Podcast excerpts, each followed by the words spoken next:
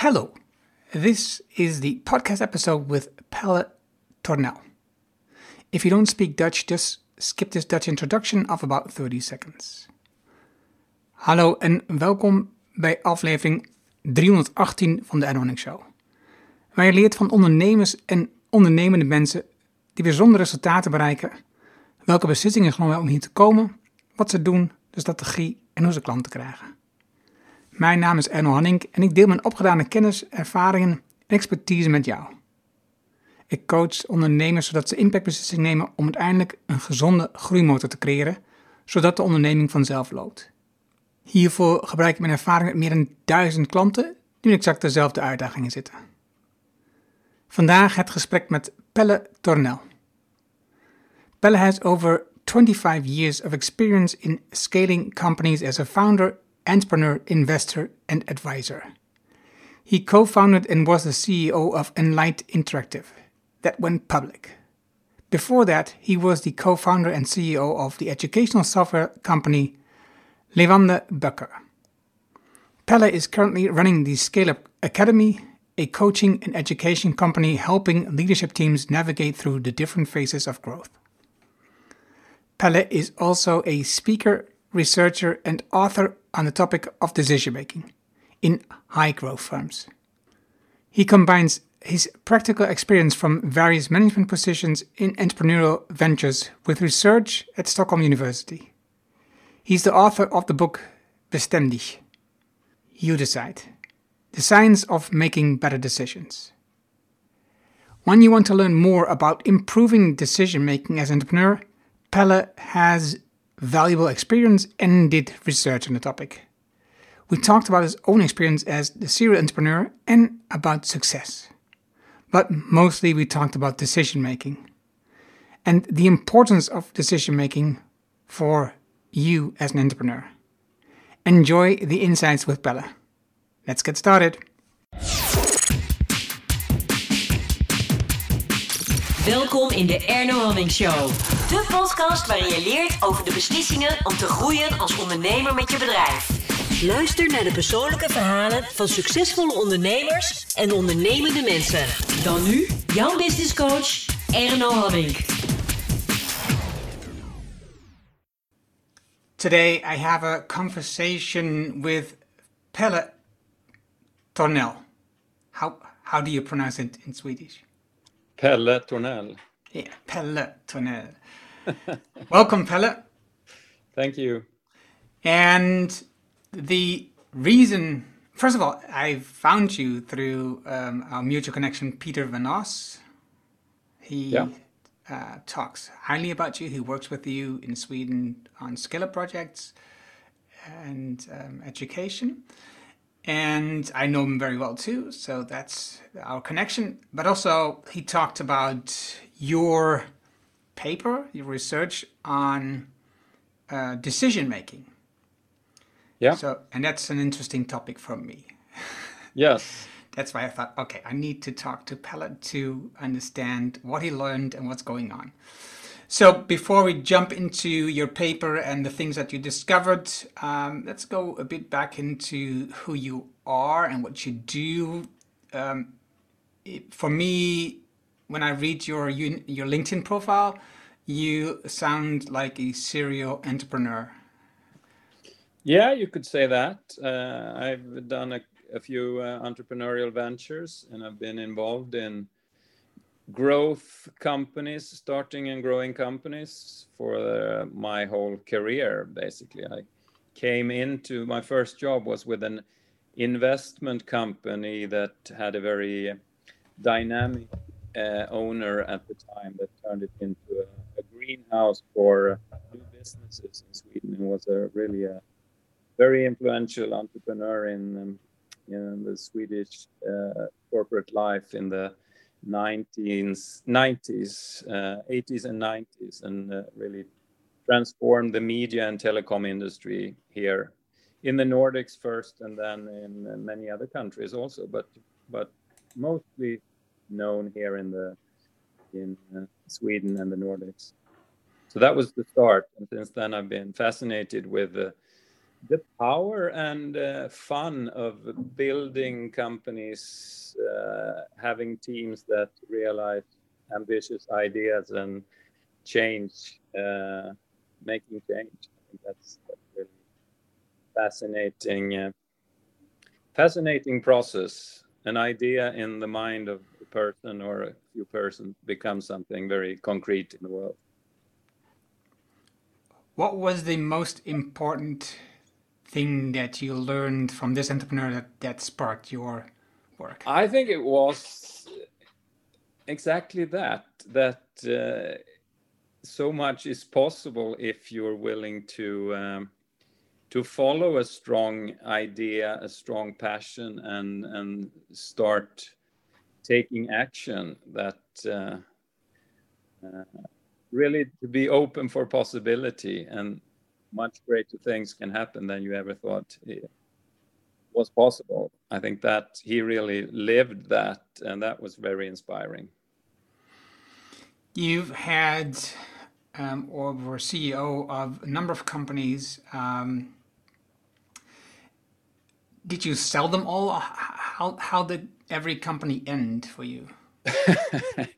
Uh, it was different. Uh, it has been different. It's one uh, company we took public. It was an IPO. A couple of other companies have been sold. Then I have been also I've been a CEO where I've not been an owner, and there I've just left the company or it actually has or i've been a very small owner and it was sold also. So it's been a, a mixture of exits uh, sometimes when when things get uh, when that original spirit is somehow lost in the in the cement of uh, corporation or uh, the mud that uh, that uh, gets ideas stick and not fly, then I get uh, a bit bored and want to move on. So um, that's basically why I myself have get a bit bored when uh, when that uh, original inspiration and creativity is not there anymore this opens up a number of questions again. Um, what do you think can you do to keep that creativity, that inspiration? Yeah, that's uh, that's a very interesting question that I've been thinking a lot about because I think it.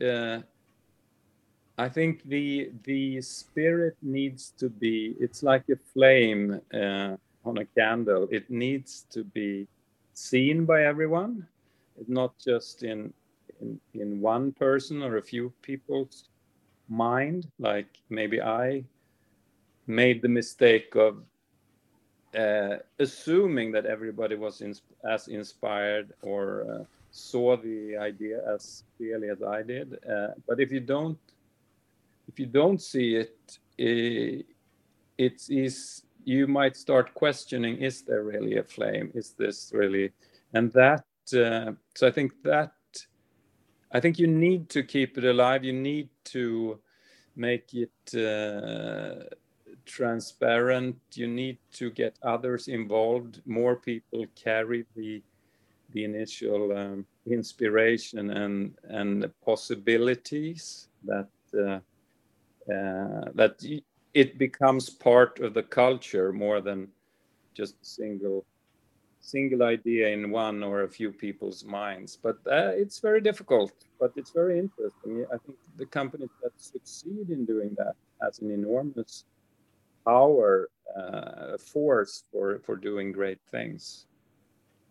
What, but it's did, it's abstract did, and that makes it difficult. Yeah and what did you do to because I you've done a number of of these sessions with um, you have a number of experiences with various companies that you started. I can imagine that every time when you start a new company, you want to um, get that energy again, but also you want to keep it uh, as long yes. as possible. So, what have you changed in the, in in those years when you started a new company every time? Uh, I've been try I've been trying to be more aware of this this that uh, uh, need to communicate more, uh, better, uh, listen more to so that uh, everyone feels included or and also takes ownership of the idea that it's not my idea that should be developed. It's more an idea that several people contribute to and and owns together. And i think so that's part of it it's it's letting go of the i the development of the idea but still keeping the the spirit of the idea uh, development uh, so to speak. So i think that's that's been the key uh, but talking more about it, listening more to others, and and letting letting it uh, develop uh, more organically than than uh, with a preset plan of what this should be. Yeah, I think that last one is interesting. Develop it more organically. Um, is there? Do you feel that um, the size of the company, so the number of employees that you have, is um, is of importance there? Oh yes, very much. Uh, I think there are there are stages you go through where where this is uh, challenged uh, more, uh, and that's uh, when you you um, it's I mean, rule of thumb, it's when you're around 10 people, when you're around 30 people, and when you're maybe 100 people. But but that's not to be taken as as an exact science. But it's this. Uh, I would look at um, social psychology of how groups uh, uh, transform when they you add more people. You have those numbers that it's much tougher to communicate if you're over 10 it's tougher if you're over 30 when you don't know people and those kind of uh, uh, aspects play in and uh, challenges this this entrepreneurial spirit or creative spirit or uh, or inspiration i think because you also need to get more structured more professional uh, as you grow because everybody needs to know more specifically what what are the expectations of me in this next new phase? In an early phase with a few people you can kind of take it as it comes and everybody knows pretty much if you're running into somebody else's turf and you're cooperating in a in an organic way. But then you need to be more you need more structure on some aspects, uh, and that's where the tricky part comes in. How do you how do you keep it flowing, uh, but at the same time the structures in place so that flow is is is not hampered in any way. Do you see? Okay, first another question to make sure that I understand it right. Today, you do a number of things, but you have a company that's um, surrounded on um, Scale Up, Scale Up Academy, but also um, you have like uh, speaking and uh, writing and your mind business, which is more like a solitary business. Is I if I okay. Um, well, I, I run an academy uh, full time today, uh, where I uh, meet with the leadership teams of growth companies uh, during one year called the Scale Up Academy. So growth companies from the size of 2 million euros to around 25 million euros. Uh, and I do that in cooperation with uh, the largest financial newspaper in Sweden called Dagens Industri. So that's uh, we run, we have about 50 companies presently that we work with. So it's, we're a team of four coaches and uh, about four or five other people uh, in sales, marketing, administration.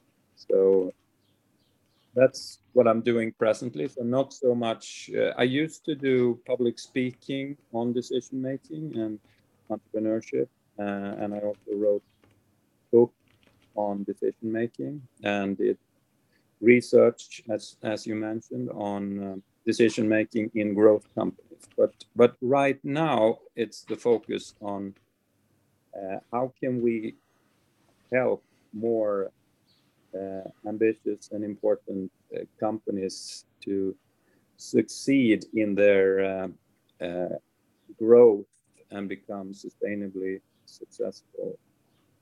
So that's that's the task right now. And you do that now with a small team. It's less than 10 people. Yes. Is that on purpose or do you also want to grow that beyond that? Yes, we we want to grow that, uh, but we also want to uh, grow with uh, uh high interaction with the with the management teams and uh, uh, to so so it's quite personal. It's it's not really it's that's why it, it takes a little longer to to uh, scale. I think the demand is there, but uh, we we we need personally. It's not an online education, even though we do some digital right now. But uh, but it's that's why we can't really scale fast without becoming more uh, coaches, and then it's a matter of keeping the quality and the the level of interaction uh, to really make the content better and better also. Right. Um, do you sell, do you see yourself as a successful entrepreneur? uh, good question. Uh, and difficult question because how do you define success? Right, that was uh, going to be my next question. Uh, no, I don't think I. I I don't really see myself as a successful entrepreneur. Um, uh, because I have not uh, built anything uh, that uh, I am current. I I'm not.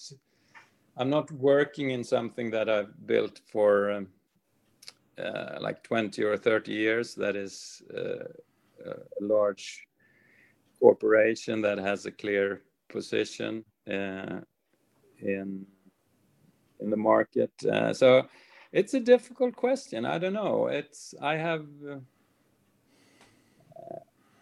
I guess I, I, might be too self-critical. Also, I I see. Uh, I also see a successful entrepreneur also has a life uh, that uh, is doing uh, first of all has a lot of uh, freedom to to develop him or herself is doing something sustainably good uh, so I, I put the bar quite high uh, and i don't think i meet it myself uh, i would have said yes 20 years ago after i'd taken the company at the time public and was financially very well off.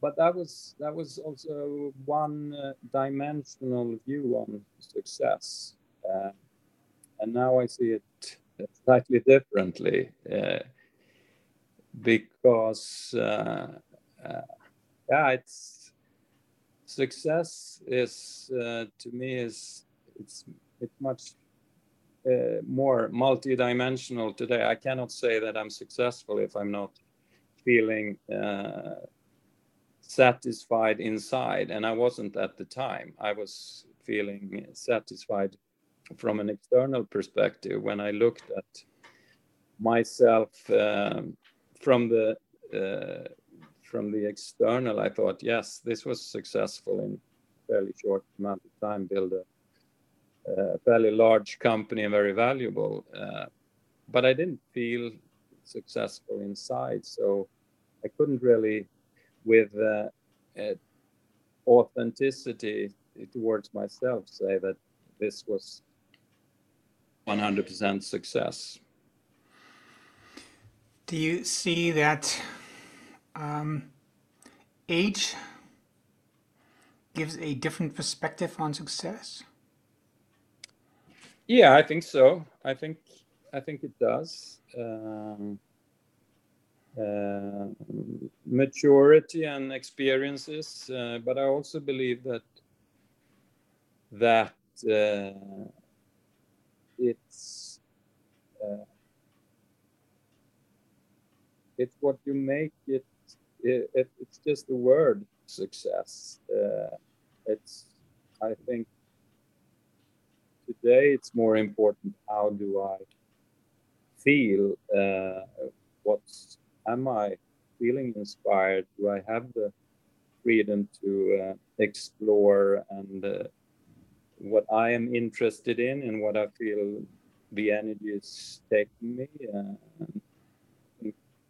those things are more success today uh, than uh, looking at the bank account or uh, looking at the CV. That's really not.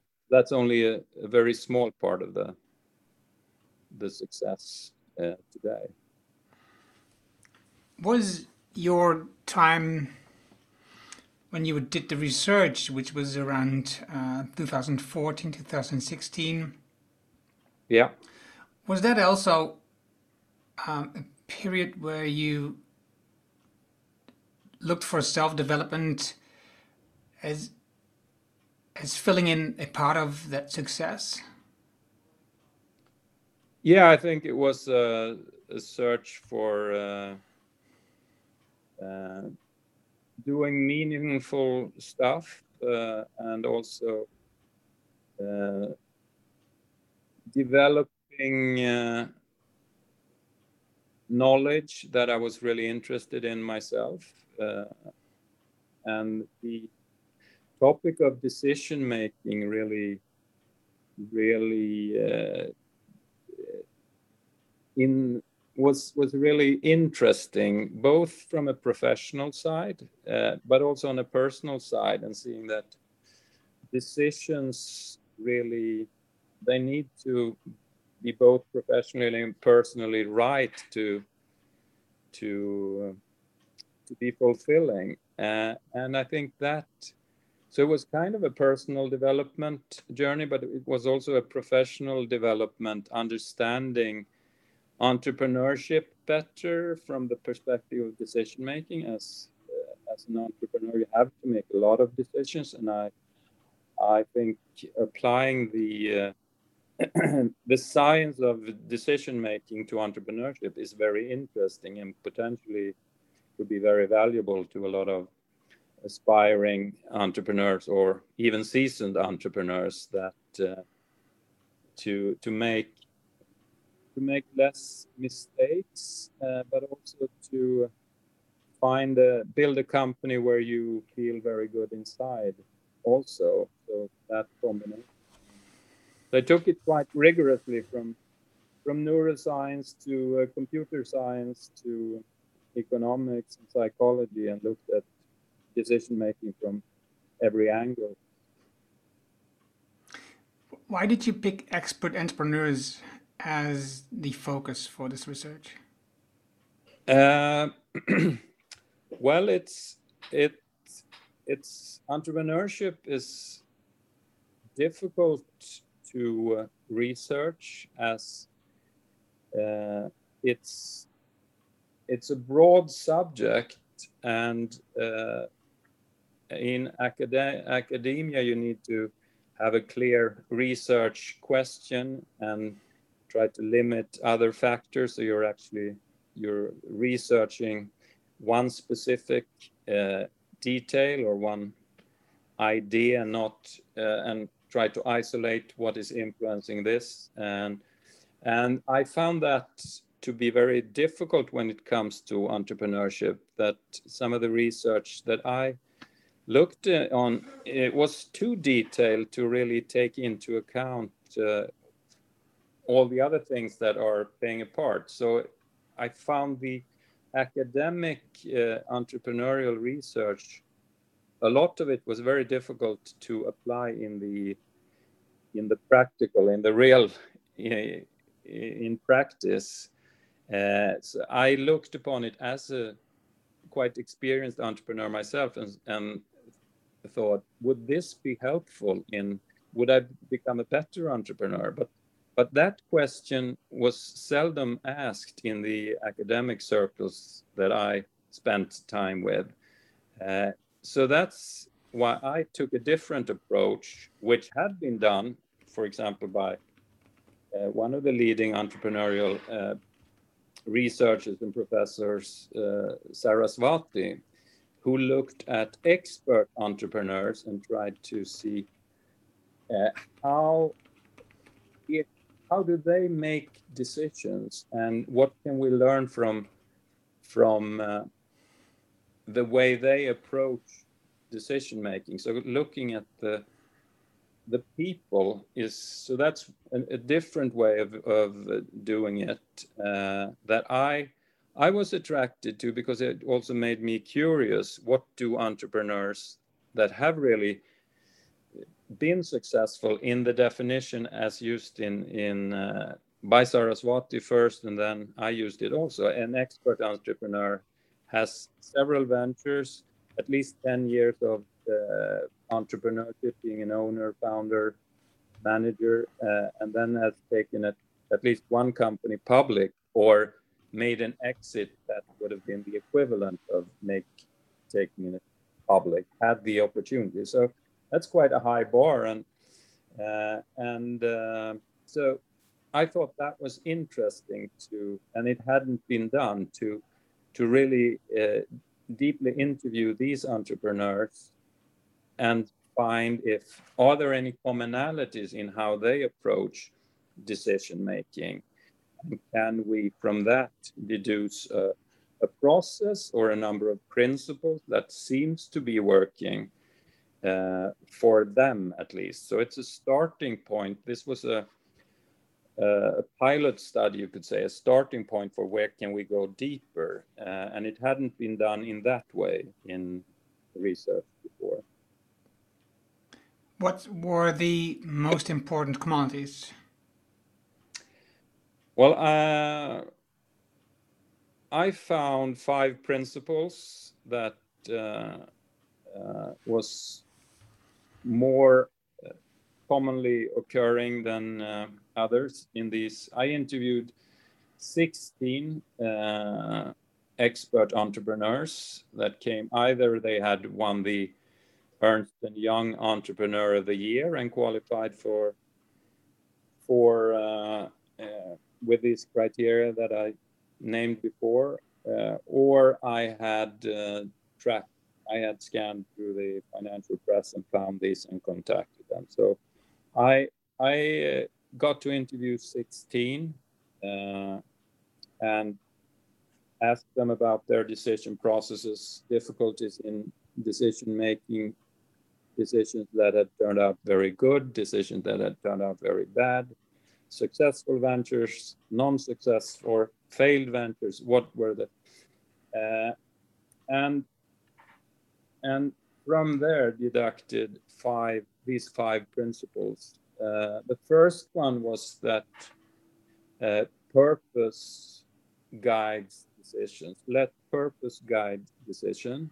That was strong, not in all of them, but if it wasn't purpose, it was a, uh, a clear position in the market. Uh, so that was some of them came more from this is this is the purpose this is why the question why and others in their mind were looking more to a clear position in the market that that's that's basically where the puck is going or that's that's a, a space where i I can see this industry or this market developing to that space, and I see the clear position that someone can take, and I see how I or we can do that. So it was either that clear position or a very strong why this is important that we do. Uh, so that was those were the two. That that was number one that they had a clear clear purpose or clear position that guided their decision that they came back to uh, and said is this decision we're making is it taking us closer to that position or or and is it in alignment with with the purpose and i think that that made uh, as they explained it decision making easier was something to fall back on and they uh, also spent a lot of time in in communicating this to to the uh, rest of the company.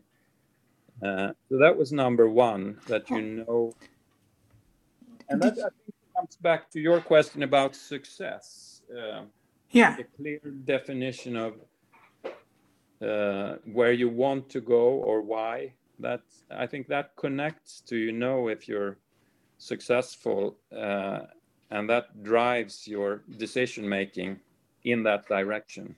Do you, do you see that from from looking back at, at your decisions for starting a company or or selling it or making important decisions in these companies is that that also vision or the why was important to your decisions yes uh, it was but in, in varying degrees in different companies. But where the purpose was clear, as one of the companies I started was an educational software company.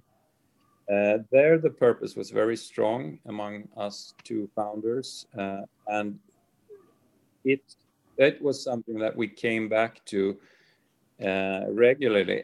Anytime we took a, a, a big decision, it was how does this reflect on, on our purpose? In that case, it was also a clear strategic position that we saw that market developing and and we saw how things would the educational market would change. I, I would say that was a combination. But when when that became uh, as the company grew with more success, actually financial success. And I think we we at least I lost uh, the closeness to the purpose a bit and became somewhat more attached to the to the financial outcome of the company and the uh, uh, the success. And and this is the company that made the IPO that we became the target became the IPO instead of the the purpose and the clear position in the market. And I think that uh, that changed things a lot. Uh, we succeeded with the IPO, but I think uh, I think we could have built a better company, uh, staying closer with the with the purpose and the strategic position that in the earlier days was much more prominent. Can you imagine that um, having your vision very bright and clear in front of you, that this could have been a long term company, a long term building of the company? Yes, I think so. Yes. Yeah, I can imagine that would make it more fulfilling. Yeah.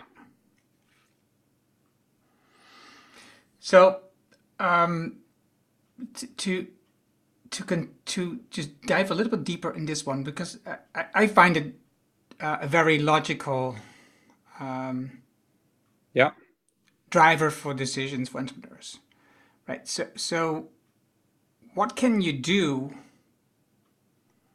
and you gave uh, a, some hints but I, can you make it maybe even more clear what can you do to to hang on to keep that vision very clear instead of just focusing at some point onto um, financial targets and numbers uh, becoming leading over the vision?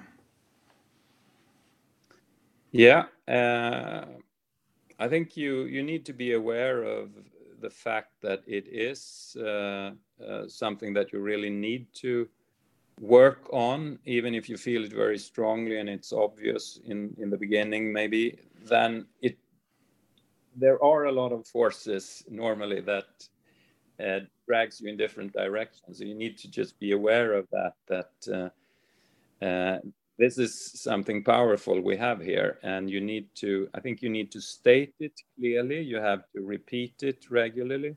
You have to come back to it and and nurture it, so to speak, as a as a management team and uh, for yourself. Uh, just are we are we in connection with our purpose that we set is it what is it to me right now what is it to you what is it to the others and that's uh, uh, uh, that's a discussion that uh, very few companies actually take uh, in the companies i see that they it at best it's the back of it's in their mind uh, and uh, they can talk about it if you ask them questions.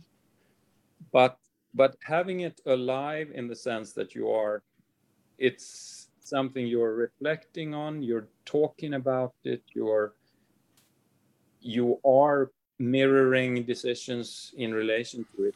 That's quite rare, uh, but if you do that, I think you keep it alive by by bringing it up in in conversation, setting time uh, without an, a, a, clear target, just to to give it space, you could say, and discuss where are we in relation to it. Because you also change, uh, is my experience as a person. Maybe this was very important to you when you were 30, uh, because of things going on in your personal life or your uh, your vision of where you were going and then when you look in five years later you have children you have um, maybe a, a, house maybe a financial situation then perhaps things have changed and and it's not so obvious even if you kind of in your mind think that that's as important as when i started but but is it really because you are also a different person. So I think that's why you need to really don't take it for granted that it's always going to be as strong uh, and and it it should probably develop also you get a more mature relationship to your pur purpose you could say. Uh, and uh, i think we spend uh, way too little time on on this. And and then it just it's like a, a relationship. Suddenly you realize i'm not uh, i'm not in love with this person or i'm not uh, because we haven't really talked about since since the um, phase of falling in love. Uh, and how is it's it's it's a bit similar to hmm. to that. You need to to nurture it and and see how it develops and also it so it connects to that original spirit that got you started and made you take all these risks and put in all this time to develop this company. I can imagine it's part of um, the lessons you teach at the academy yeah. Is there a rhythm? How often you talk about this? Uh, well it's we we try to bring it up once a quarter, but uh, uh, some of the companies make it part of their, uh, uh I would say, weekly meeting, uh, monthly meeting that they they repeat it or they they keep talking about it. We we do not follow the companies that intimately that we it's kind of up to the entrepreneurs but we quite we once a quarter we check in on on the aspects that we believe are very important to to uh, keep alive and make sure that you have not slipped on. And, and that purpose is an important part that comes up too. But more of a, as a reminder, the the actual work needs to be done in the in the work in in the company continuously. Right. That's this is more a personal question, or maybe hopefully confirmation. Do you see that a coach could be um, a good way to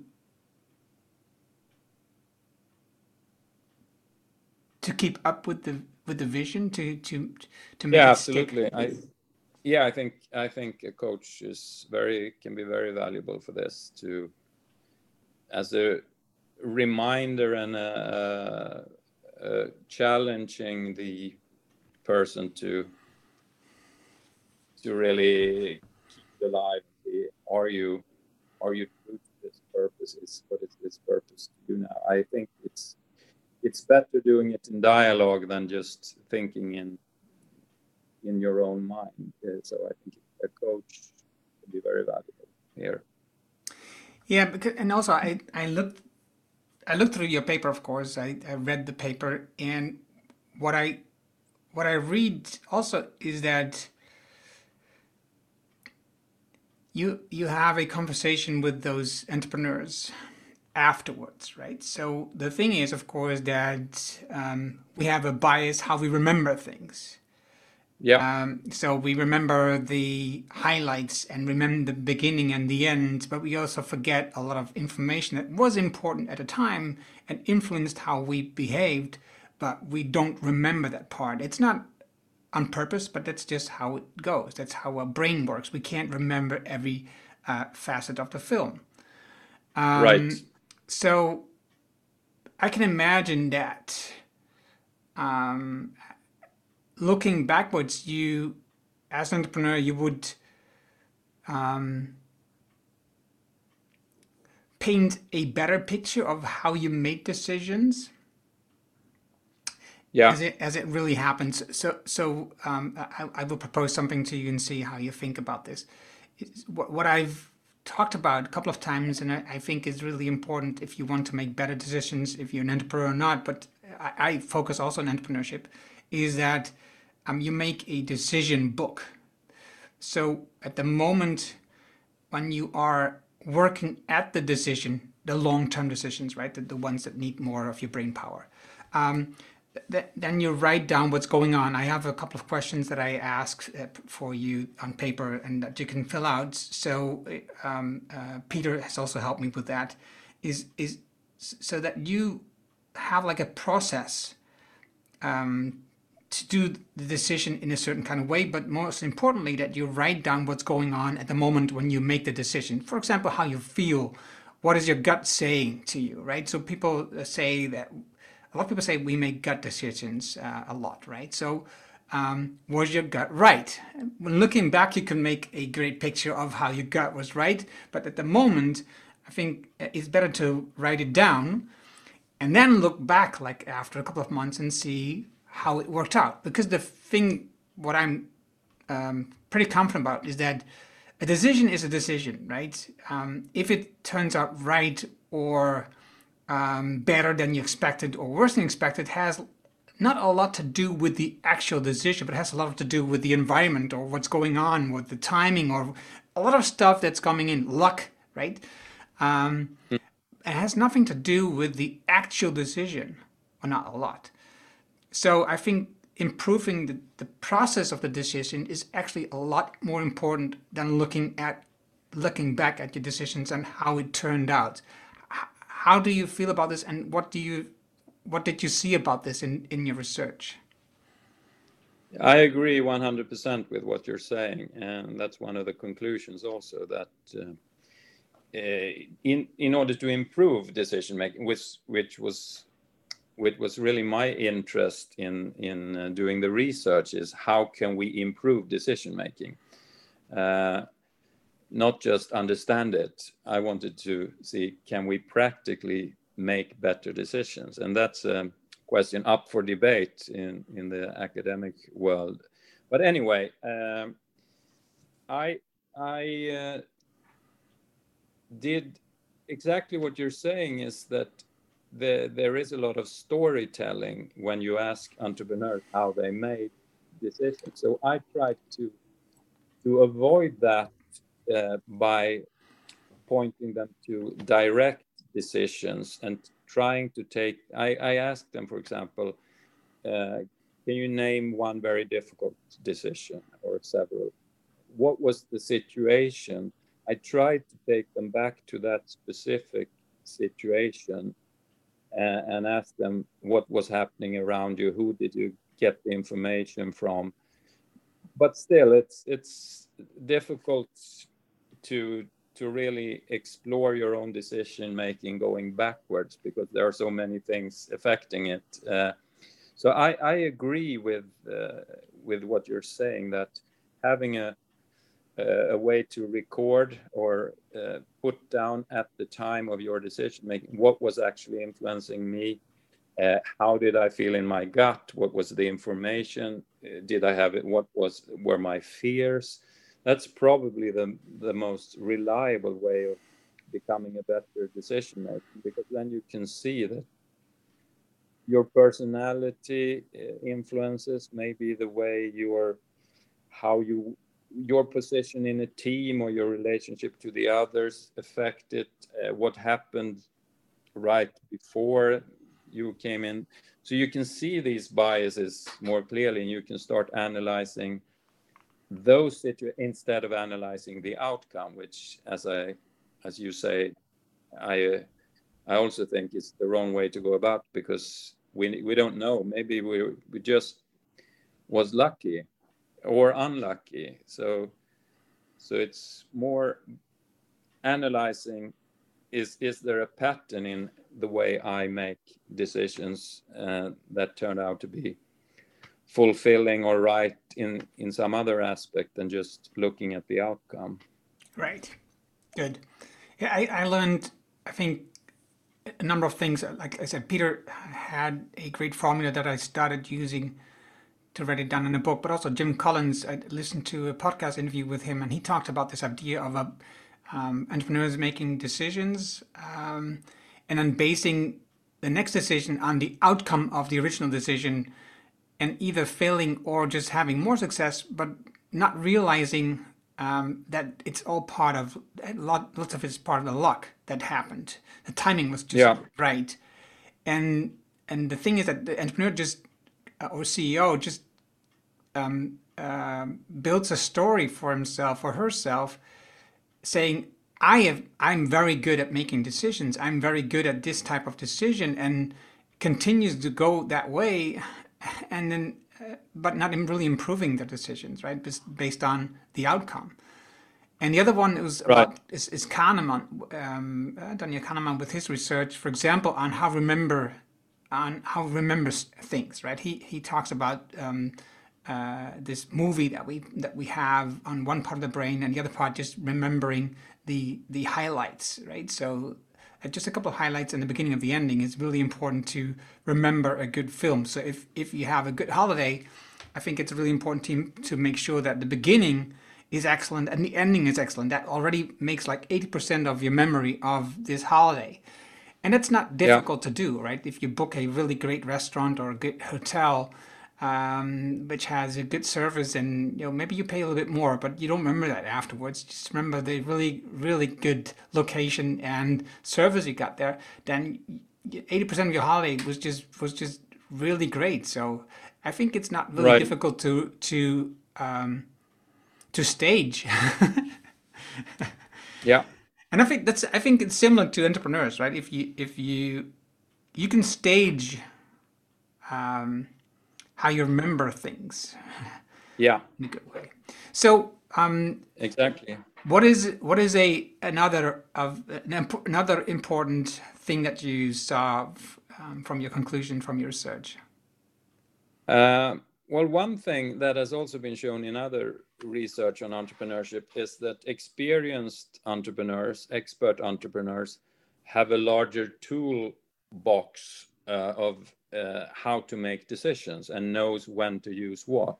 So, uh, for example, you mentioned gut feeling. Some entrepreneurs use gut feeling for making decisions, but at the same time, these entrepreneurs that I interviewed also was very were very analytical in other uh, decisions. So it's not just like I always go with my gut or I always have a rigorous analysis. No, it's it's knowing when to do what, uh, and and that comes with experience. That this decision requires uh, very very uh, much analysis, uh, going very deep, and not being influenced by past experiences of similar uh, in in a in a biased way and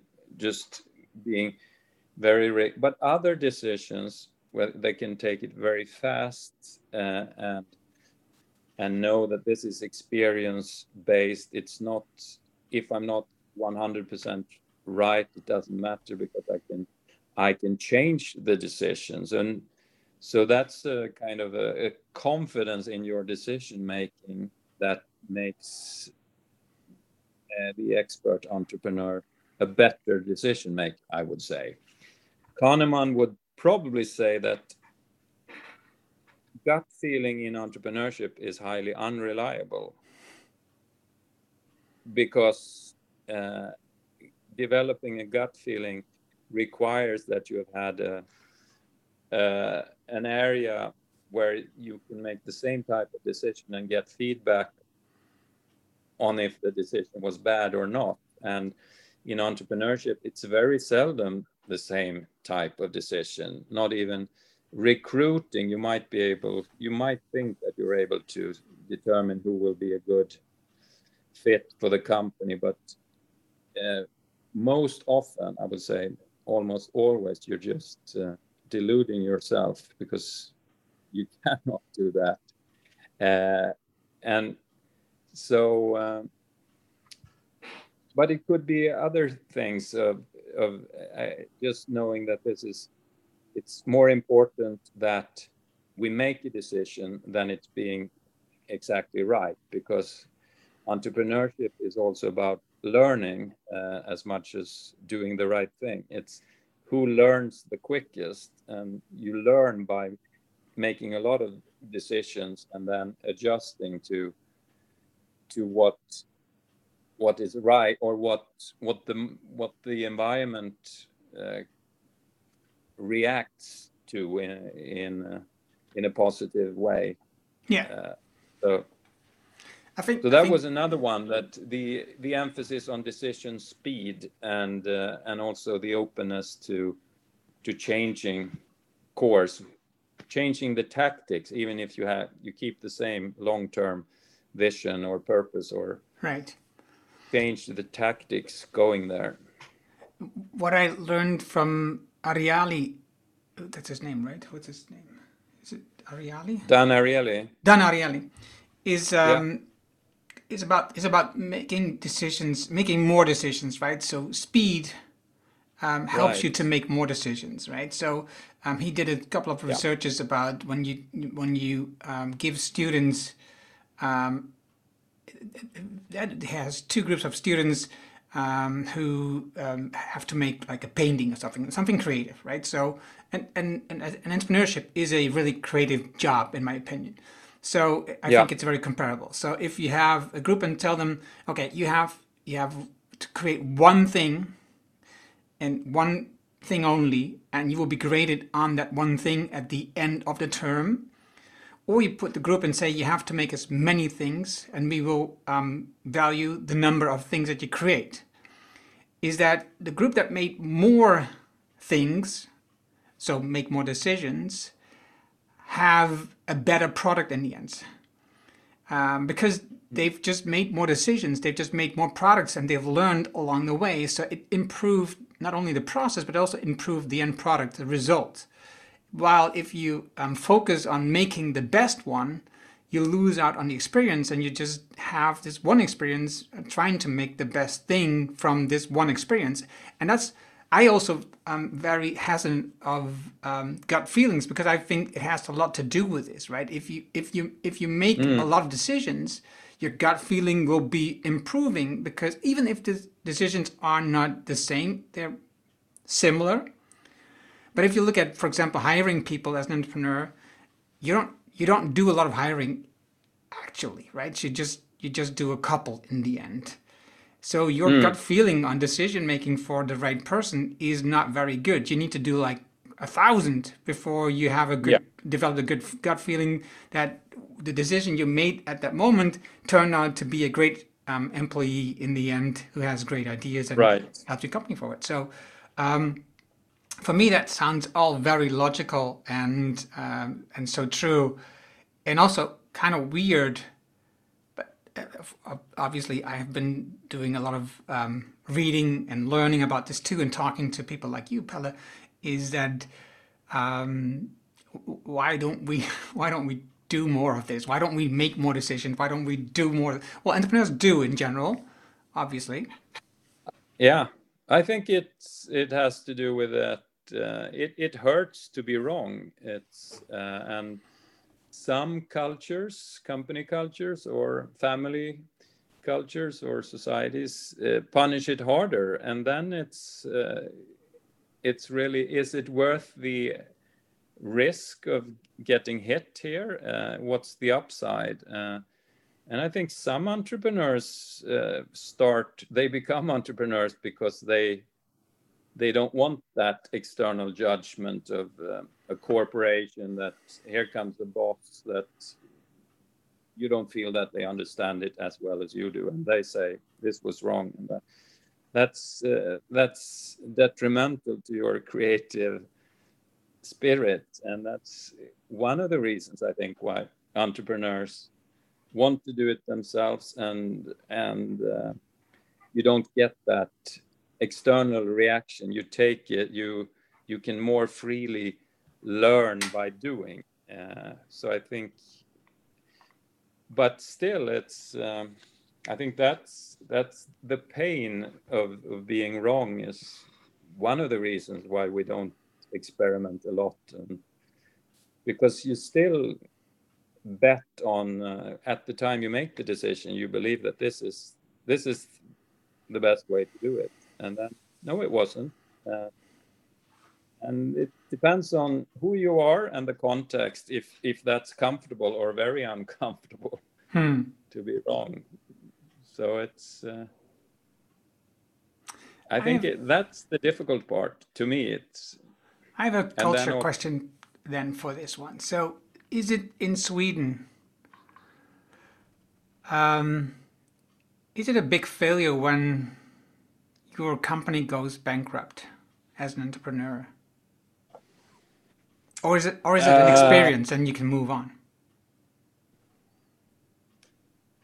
I think it's uh, I think it's considered as a as a quite a big failure. It depends on on the way also uh, the way it's it failed, but uh, I mean, if, if you take a high risk on something and was maybe a little too early, then then people would probably say that this is this was not a, a huge mistake. It, it, was still a visionary, and but if you if you make a, a company go bankrupt by just making bad decisions or not being diligent, then I think it's stigmatized as not not something good. I think, yeah, I, I, I, I can't really say that I know a lot of people that with pride say that I have had these bankruptcies. If they can say that, if after that they had some really great mm. successes then mm. it's quite easy to say i learned a lot and it's you should all be taking risks but being there having had the bankruptcy and then proudly saying it ah, I, I think it's it's not such an open uh, attitude towards that and just cheering it on. I it's, think we are quite hard on. It sounds very similar to the Netherlands, right? So here yeah. also, if you have like a bankruptcy on your name, it, it, it you're a failure just just that's the way it is and that's you don't want to fail so the bankruptcy is something that you want to avoid heavily so i can imagine that decisions are influenced by the f- fear of of of failure and as if you look yeah. at um, entrepreneurs in the us it's it's sometimes you hear the the the the, the, the one liner saying if you if you didn't if you didn't go bankrupt you're not really an entrepreneur right so um, it's it's a completely different situation. Right. So so risk taking is, is is considered is is done differently in in that culture over there. Um, yeah. I'm not saying it's better, but it's different. And um, yeah, what do you think? Um, what what do you think you, you could do to at least decrease that risky feeling um, for for important decisions as an entrepreneur?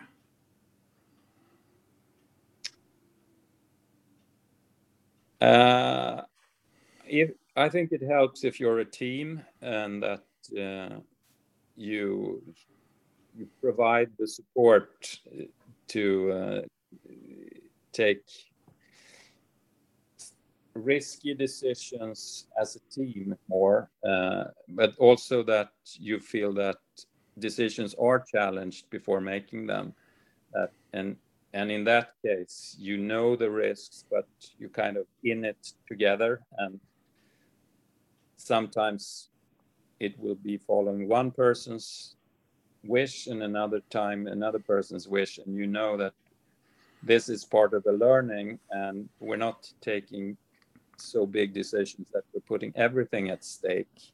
We're trying to avoid that. I think a team helps a lot uh, by not taking it personally and feeling that I am a failure or I did this. Uh, uh, I mean, in yourself, it's. I think it's difficult to change your own uh, attitude towards risk. I think it you have it uh, you have it in you a lot, uh, and and that's something you have to uh, to live with. Uh, but uh, so I think the context, the team helps a lot, and and again, talking about it uh, in the in in the management team or in the company have have a discussion on it, not just taking it as a given that you're not allowed to take risk. That could become that could become like a rule for all decisions. Where do you draw the line? Is this a big decisions where we cannot go wrong, or is it a very small decision that it really doesn't matter? It's more important with the speed of making the decision. I think you need to take that meta discussion on decision making and be open to to not knowing. Uh, but it's it's quite rare that we do that. It's kind of decision making becomes part of who we are, and uh, difficult to have the language to talk about it. Um, but I think it's very important. Yeah. In order to to see biases, to see where risk plays a role and why does it, and when we exaggerate risk or when we uh, become too overconfident. It's it's not easy for anyone uh, to to do it right, and then we need to bring more awareness to it. And there is so much to learn about this making. That's why there is so much research in all fields of how can we make better decisions. Yeah. I, have I've been reading also your article, The Five Principles uh, for Making Decisions. Yeah. That was based on the research by um, Sarasvathy. I, I, I'm, I'm reading here. Um, oh, I li- right. Okay. I like the yep. uh, five principles because um, they're very clear. The bird in hand principle, the affordable loss principle, the crazy quilt principle, the lemonade principle, and the pilot in the plane principle. And the one you just described, right, right is the affordable loss principle, right? So if you if you if you make sure that um, the decision you're making um, has a loss that we can afford as a company as a whole, I think yes. it makes it a lot easier. And that's I think that that, that exactly describes what you were just what you were just saying there. Right, and also that applies to psychological risks uh, that we we it's easy to exaggerate the psychological risk uh, of failure, so to speak. Taking the initiative to talk to that uh, big partner that uh, you think would be very valuable, make making the phone call, making the introduction, we think, oh, what if he or she says no? That's really, it's going to be, uh, that's going to hurt. Then, uh, and maybe we avoid some of those discussion. But what what are we actually risking? The affordable loss is very there. It's a very it's a, it's a psychological price, but we could have 10 no's, 50 no's, 100 no's before we get to the right partner. Uh, and now I'm talking about a business partner, mm-hmm. but it could apply to a personal partner yeah. also, of course. But, but I, so that's also the exaggeration of loss that is not financial, that you think that it's it's going to hurt so much or uh, that's also affordable loss. Yeah. Seeing what am I really risking? I'm risking that one person turned this down, and maybe they did it because of their own personal reasons, had nothing to do with me. Uh, and uh, and there it pays off to take a lot of initiatives that really has low downside uh, to find that ideal business partner or or client that matches what you're doing instead of after the first five no saying that we don't have what I'm presenting is not good. Mm-hmm. Um, can you? I, I think it's interesting. So, can you explain a little bit about the pilot in the plane principle? Uh, pilot. it was a long time since I wrote this paper, but pilot, pilot in the plane principle. Uh, I. I think it has to do with um, that you are uh, the you you're making decisions where you are you have um, you're invested in the outcome of the decision. I think it's that uh, it's the the pilot is uh, if if the plane crashes, uh, the the pilot will die also. So it's he will or she will make certain that all the security, the right security decisions are made. So you can feel safe with the pilot having a lot of skin in the game. So to use uh, Nassim Taleb's vocabulary, that uh, an entrepreneur that makes decision with a lot of skin in the game, that they are affected, like a pilot in the plane, will uh, make at least more careful or uh, more well thought out, uh, more in alignment with what you can uh, expect to be the best decision possible. If you have a person that's making decision that's not a pilot in the plane making all the security decisions before takeoff you feel you can feel slightly more worried because that person goes home and the plane takes off. as I recall it, it's that that is the pilot in the plane to make sure that the persons taking the decisions also have skin in the game that they are affected by the outcome. And that's uh, uh, something that makes sure that they make the most rigorous uh, uh, decision process to and it's the, in their interest to make the best possible decision mm-hmm. so i have two questions to conclude um, they are very aligned so that's easy what is the worst decision that you've made um, in your entrepreneurial career, and what's the best one? wow. Uh, to to to come back to what we have been discussion discussing it what is a good decision? That's so the worst decision uh, then would probably be the one where i definitely had a bad process uh, but i also associated to the to a bad outcome uh, but because that's easiest to see uh, that was a bad decision because but it in this case it corresponds to a a, a bad uh, decision process. So i would say it, was a recruitment decision. Uh, so i will not say uh, to exactly which decision it was what person but but it was a very important uh, recruitment that where I actually followed my gut feeling was not, I didn't know where I was too fast. I wanted to I wanted to hire this person because it would solve a lot of other problems if we had someone in place. Uh, and my gut feeling actually said that uh, there is this does not feel like the the ideal fit but i overruled that and said my mind told me to make the decision now so that we get this this position filled it's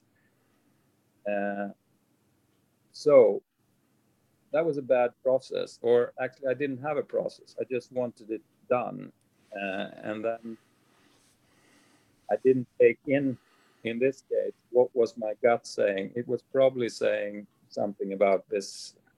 You are overlooking something. Something is that I should have dug deeper into, not necessarily gone with a gut feeling, but it was at least an indication of something is not 100% in this decision. So that was if it's the actual worst decision, I don't know, but it's a clear decision where I've regretted it.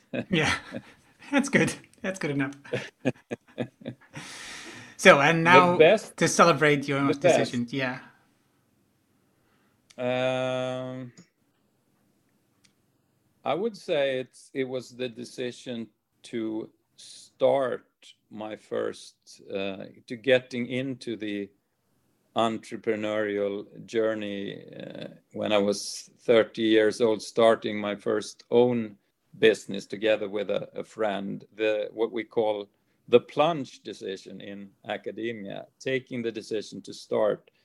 Because uh, and was that a good decision process? Uh, I think it was clearly aligned with uh, with uh, uh, a purpose at least of of uh, wanting to do something meaningful with with business knowledge and and following a strong energy of here is something valuable to be made and the excitement of that so if yeah i think i think it was we actually did a lot of analysis also. So I think it was a good combination of lots of analysis of is this really a fruitful financial um, decision and a lot of heart uh, and belly of uh,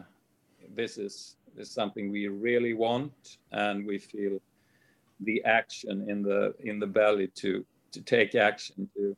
So i think it was uh, integrated with the the mind and the heart and the and the belly in, in uh, so that made it a, a good decision that uh, right. that led to a lot of other good stuff do you see yourself continuing on the research for decision making yes uh, not academically. Uh, I have too little patience for that. Uh, I, but I definitely continue my research uh, on decision making. I, I think it's. I read as much as I can about decision making. Read the, the books. I apply it uh, in the uh, educational the academy for management teams that I run and in the companies I work with. So I would say it's it's a continuous research uh, project, but I don't do it to uh, write papers. There might be a book uh, actually uh, I have in the back of my mind of uh, looking at decision making uh, more together with system thinking and how you make virtuous circles occur, uh, but I haven't decided yet. But that's um, gathering material for for that. So that might be a follow up on the earlier book. Interesting. Okay. Um,